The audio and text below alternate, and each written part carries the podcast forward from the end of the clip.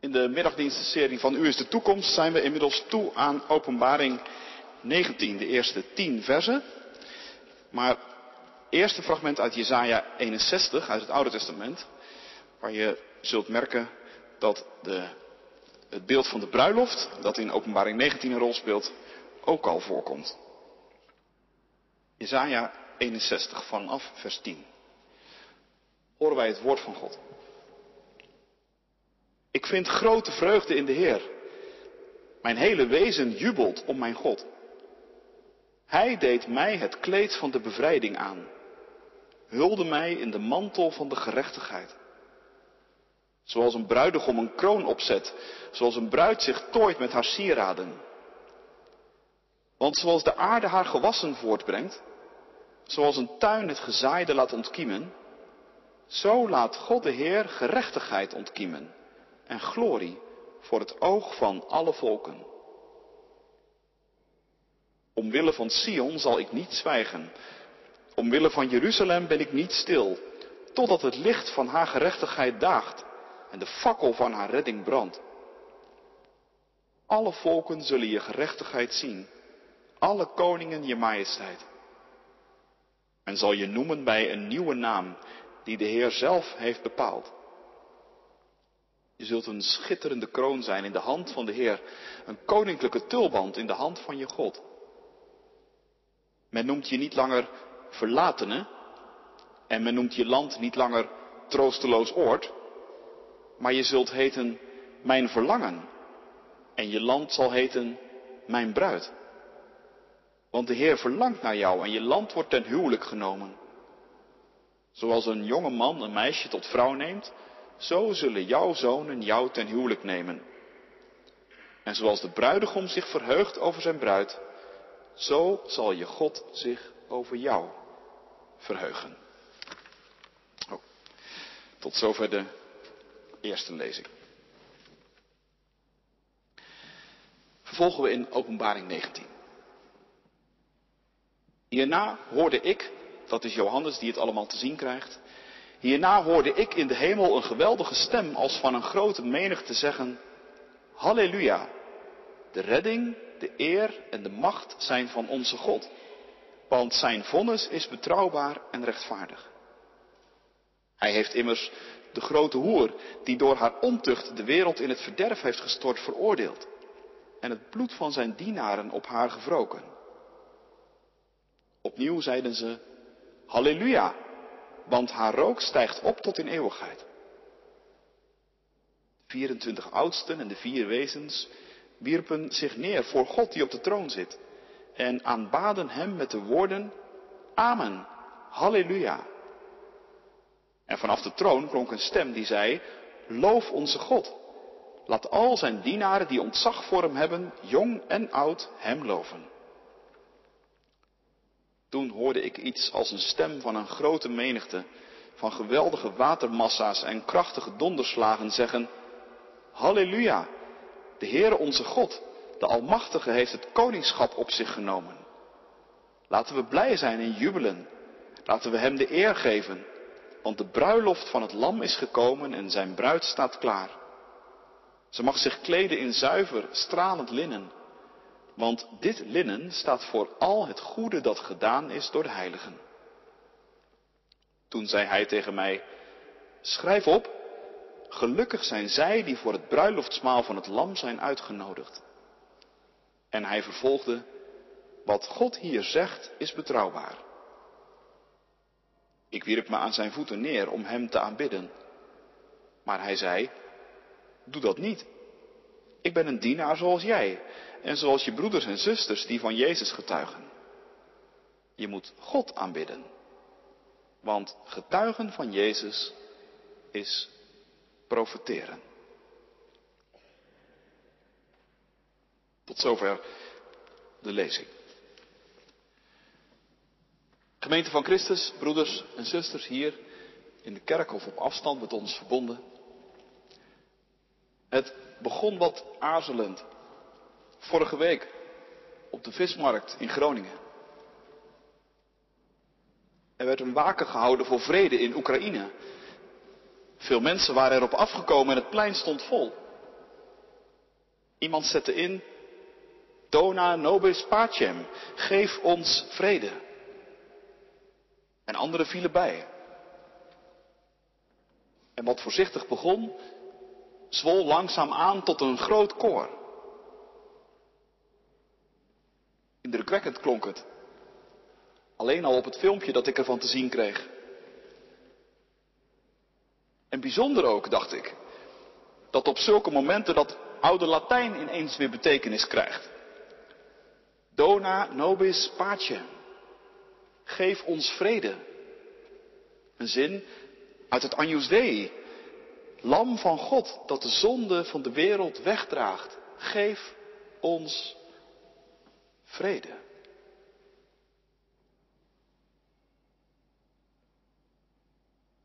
In Openbaring 19 is het geen Latijn dat de aandacht trekt vanmiddag, maar Hebreeuws. Halleluja. Loof de Heer. Dat klinkt maar liefst vier keer en heel opvallend. Het is ook het enige moment in het Nieuwe Testament, dat in het Grieks geschreven is, dat dit oude Hebreeuwse woord wordt gebruikt. En je merkte het misschien al tijdens de lezing. Het gaat er ook meteen heel stevig aan toe. Niet een voorzichtig aarzelend begin van een paar stemmen, maar meteen fortissimo. Een luide stem en een grote menigte.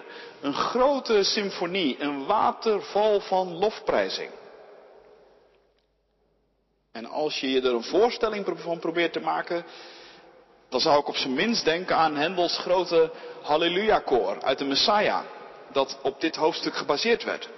En natuurlijk niet voor niets wereldberoemd werd. We zullen het na de dienst horen.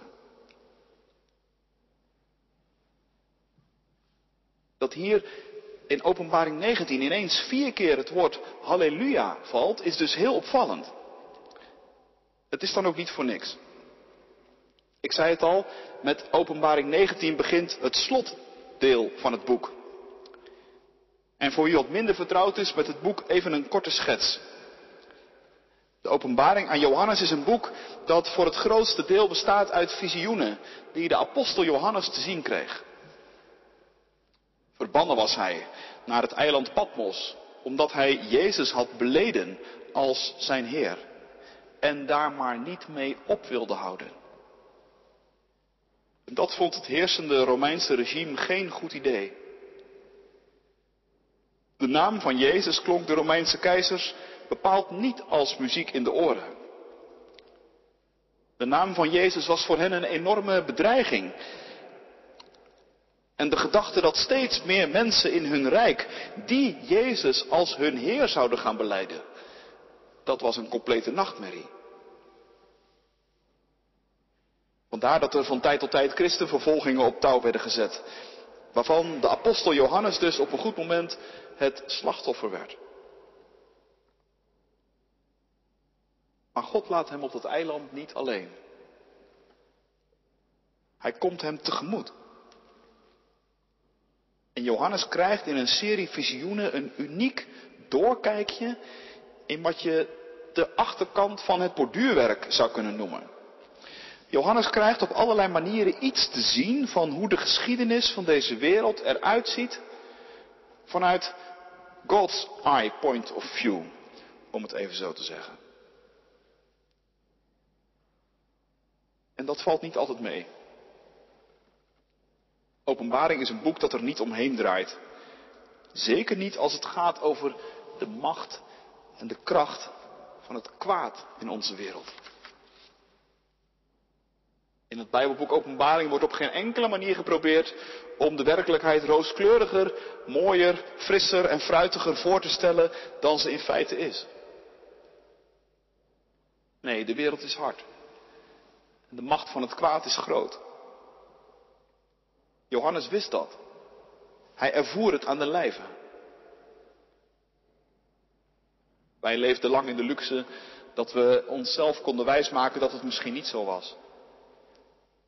Maar we worden uit die droom op dit moment weer even ruw wakker geschud.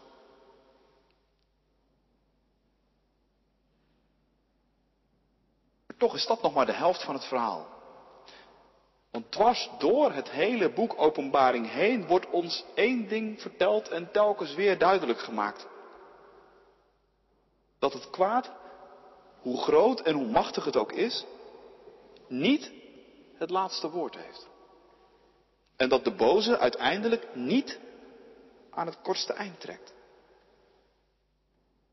Uiteindelijk ziet Johannes, loopt de geschiedenis niet uit op één grote catastrofe, maar op één groot halleluja.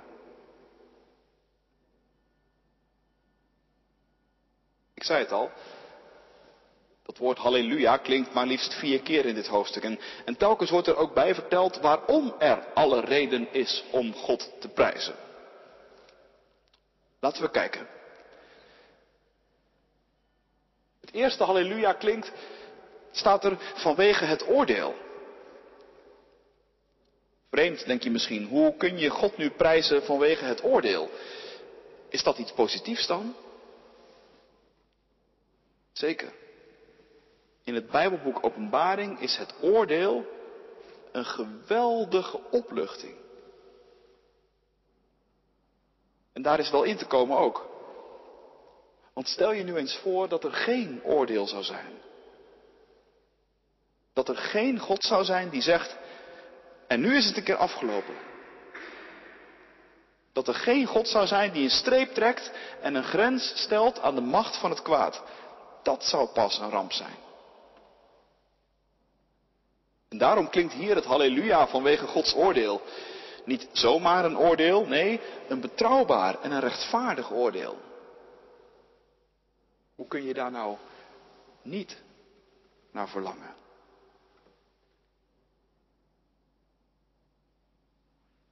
Meteen daarna hoort Johannes een tweede halleluja. Halleluja klinkt het, want haar rook stijgt op in alle eeuwigheid. Nou, ik kan me voorstellen dat je ook hier even met je wenkbrauwen fronst. Want beelden van opstijgende rook zien we op het moment dagelijks langskomen. En dat is niet om aan te zien. Hoe kan zoiets nou reden zijn om God te prijzen? Nou, het komt er wel even op aan dat we hier heel precies lezen. Het gaat niet om zomaar rook, het gaat om haar rook. En die haar, dat is de grote stad Babylon. Daarover ging het in het vorige hoofdstuk, moet je nog maar een keer teruglezen. De grote stad Babylon is in het vorige hoofdstuk gevallen en in elkaar gestort. Je weet, het Bijbelboek Openbaring zit vol met beelden en vol met symboliek. En die stad Babylon, dat is in dit Bijbelboek het symbool of de codenaam voor het ultieme kwaad. Nu, als dat zo is, dan is het feit dat Babylon valt natuurlijk geweldig goed nieuws. Dat betekent dat er inderdaad een einde is gekomen aan het kwaad. En dat haar rook opstijgt tot in alle eeuwigheid, dat is ook geweldig goed nieuws. Want dat betekent dat het definitief over en uit is met Babylon. Babylon ziet Johannes nu al profetisch voor zich. Babylon is gevallen en zal nooit meer overeind komen.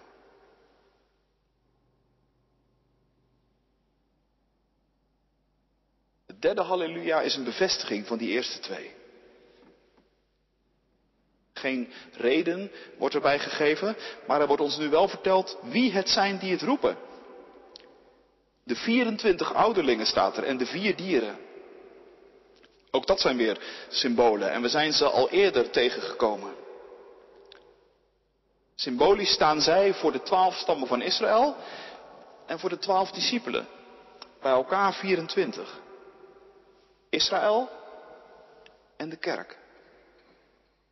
En de vier dieren vertegenwoordigen de hele schepping. Je merkt dus dat halleluja-koor, dat wordt steeds groter. Dat echoot door de hemel heen en ook de aarde gaat meedoen. De ene na de andere stem voegt zich erbij.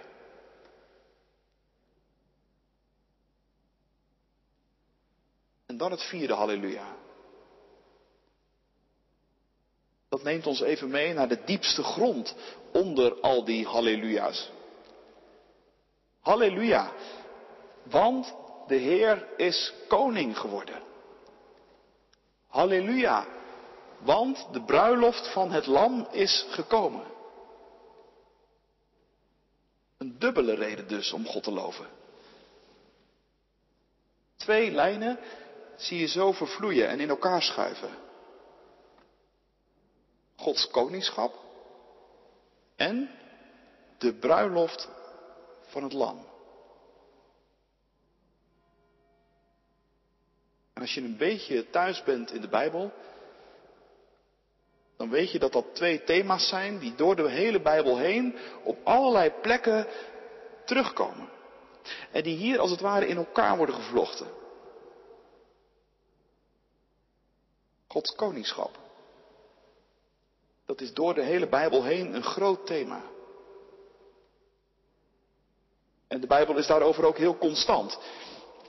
Het refrein is telkens dat ons leven pas goed wordt als we God als koning erkennen. Maar je voelt wel aan, daar zit ook meteen een probleem.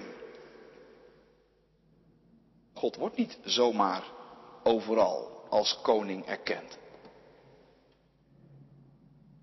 Misschien wel door een heel groot deel van de schepping. Maar wij mensen hebben daar over het algemeen best wel wat moeite mee.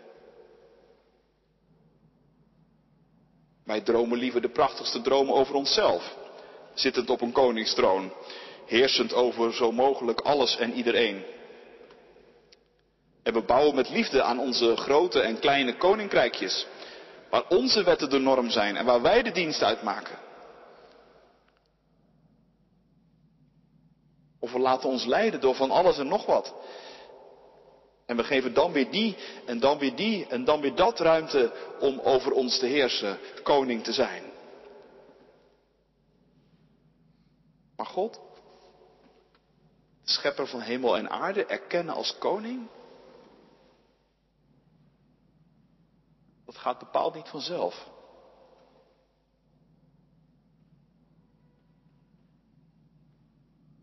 Theoloog Bram van de Beek schreef ooit een boekje over de relatie tussen God en mensen.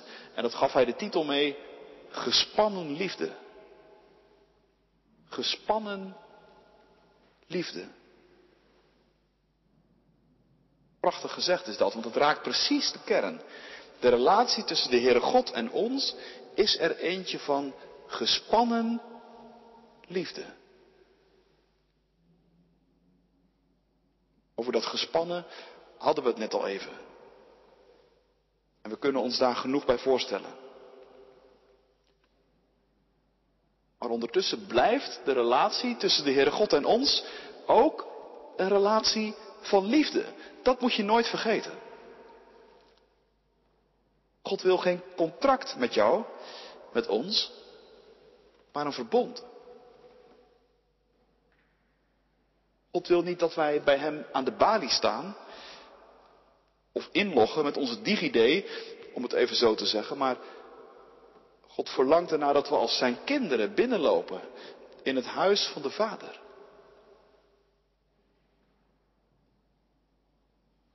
God is niet uit op een arbeidsrelatie,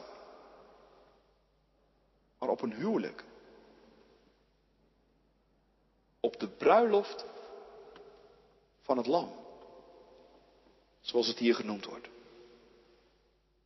En die bruiloft, die zal er komen. Ook al wijst alles op het tegendeel. Dat is wat Johannes hier profetisch voor zich ziet. En omdat het er toch van gaat komen, die bruiloft, is er maar één reactie op zijn plaats. Halleluja. Loof de Heer.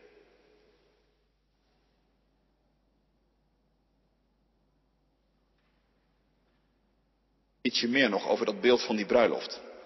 Ik zei al, dat is ook een beeld dat heel diep verankerd zit in de Bijbel. We lazen er al over in Jezaja.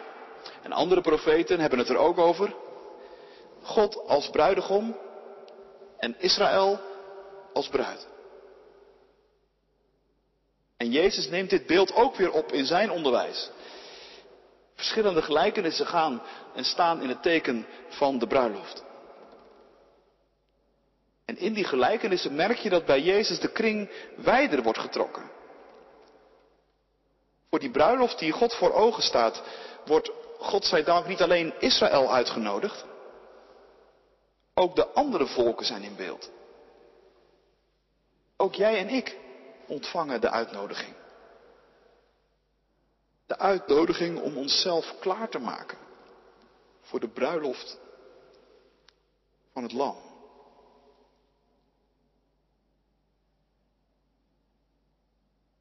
Het Lam. Dat is het beeld dat in openbaring gebruikt wordt voor Jezus. Jezus, het Agnus Dei, het lam van God, dat de zonde van de wereld wegdraagt. Hij is de bruidegom. Hij is de minnaar. Hij nodigt je uit om het feest te komen vieren. Het feest waarop voor eens en voor goed duidelijk zal worden dat ze voor elkaar bestemd zijn, die bruid en die bruidegom. Christus en zijn gemeente. Hij en wij. En daarom, daarom kan het niet anders dan dat de wereldgeschiedenis uitloopt op iets wat nog het beste te vergelijken is met een bruiloft. Want de bruiloft, dat is toch het feest van trouw. Het feest van de tederheid, het feest van de liefde, van de ontferming. Het feest van wij horen voor altijd bij elkaar.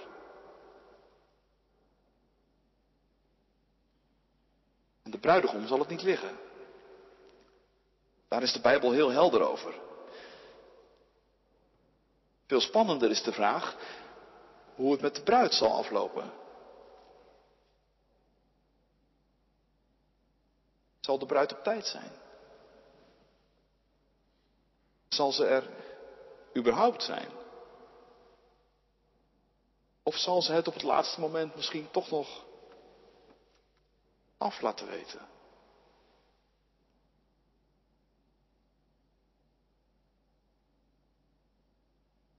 Als wij naar onszelf kijken, dan zal het antwoord op die vraag altijd een misschientje blijven.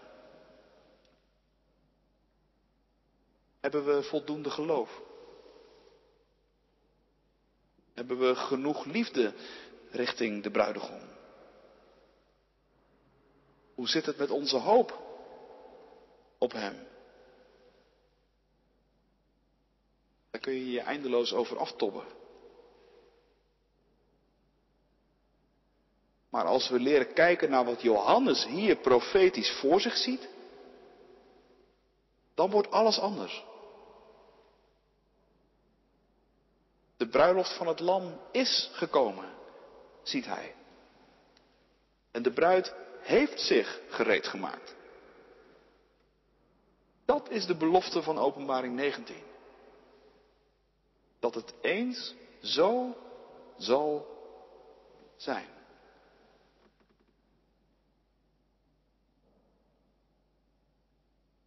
En Jonne, het feit dat jij hier bent vanmiddag, en opstaat om je geloof te beleiden, om ja te zeggen tegen Christus, dat is voor ons allemaal een voorproefje, zou je kunnen zeggen, van wat Johannes voor zijn ogen profetisch ziet gebeuren.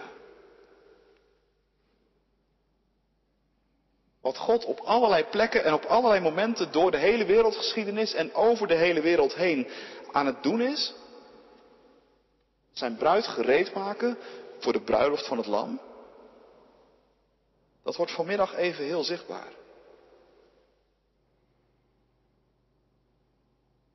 Vorig jaar juni schreef jij, net als de anderen in de groep die in oktober beleidenis deden, een wat ik noemde geloofsbiografie. Je schreef een mooi stuk en je blikte terug op wat God in jouw leven tot nu toe gedaan heeft. Je schreef over de momenten waarop je zijn trouw en zijn liefde hebt ervaren. Je formuleerde ook wat vragen. Vragen waar je op dat moment mee rondliep. En een van die vragen ging over het navolgen van Christus.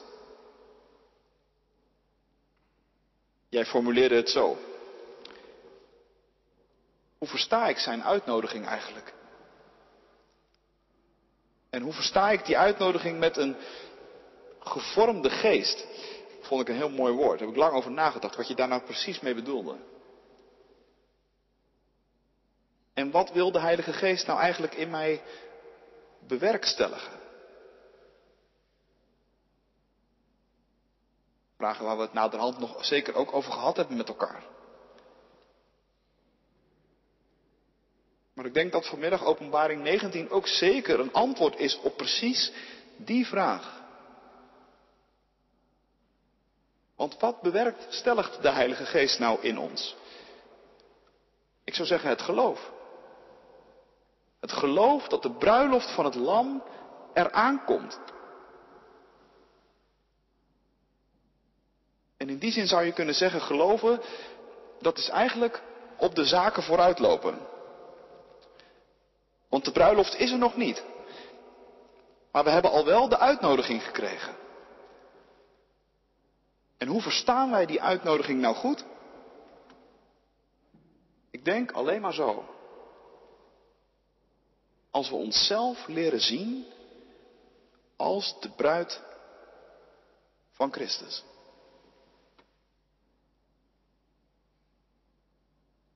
En hoe wordt dat nou concreet?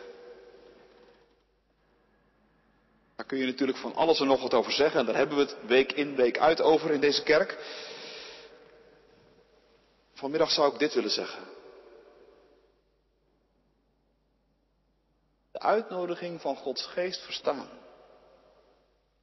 Dat betekent dat je, net als die mensen in Groningen, Dona nobis pacem blijft zingen. Zolang wij hier op deze wereld zijn. En zolang de vrede overal nog niet gekomen is. En het betekent ook dat wij nu al Halleluja leren zingen. En ook blijven zingen. Ook tegen de klippen op. Alsof de bruiloft al begonnen is. Want een grotere dienst kunnen we Christus, onze bruidegom, niet bewijzen. Amen.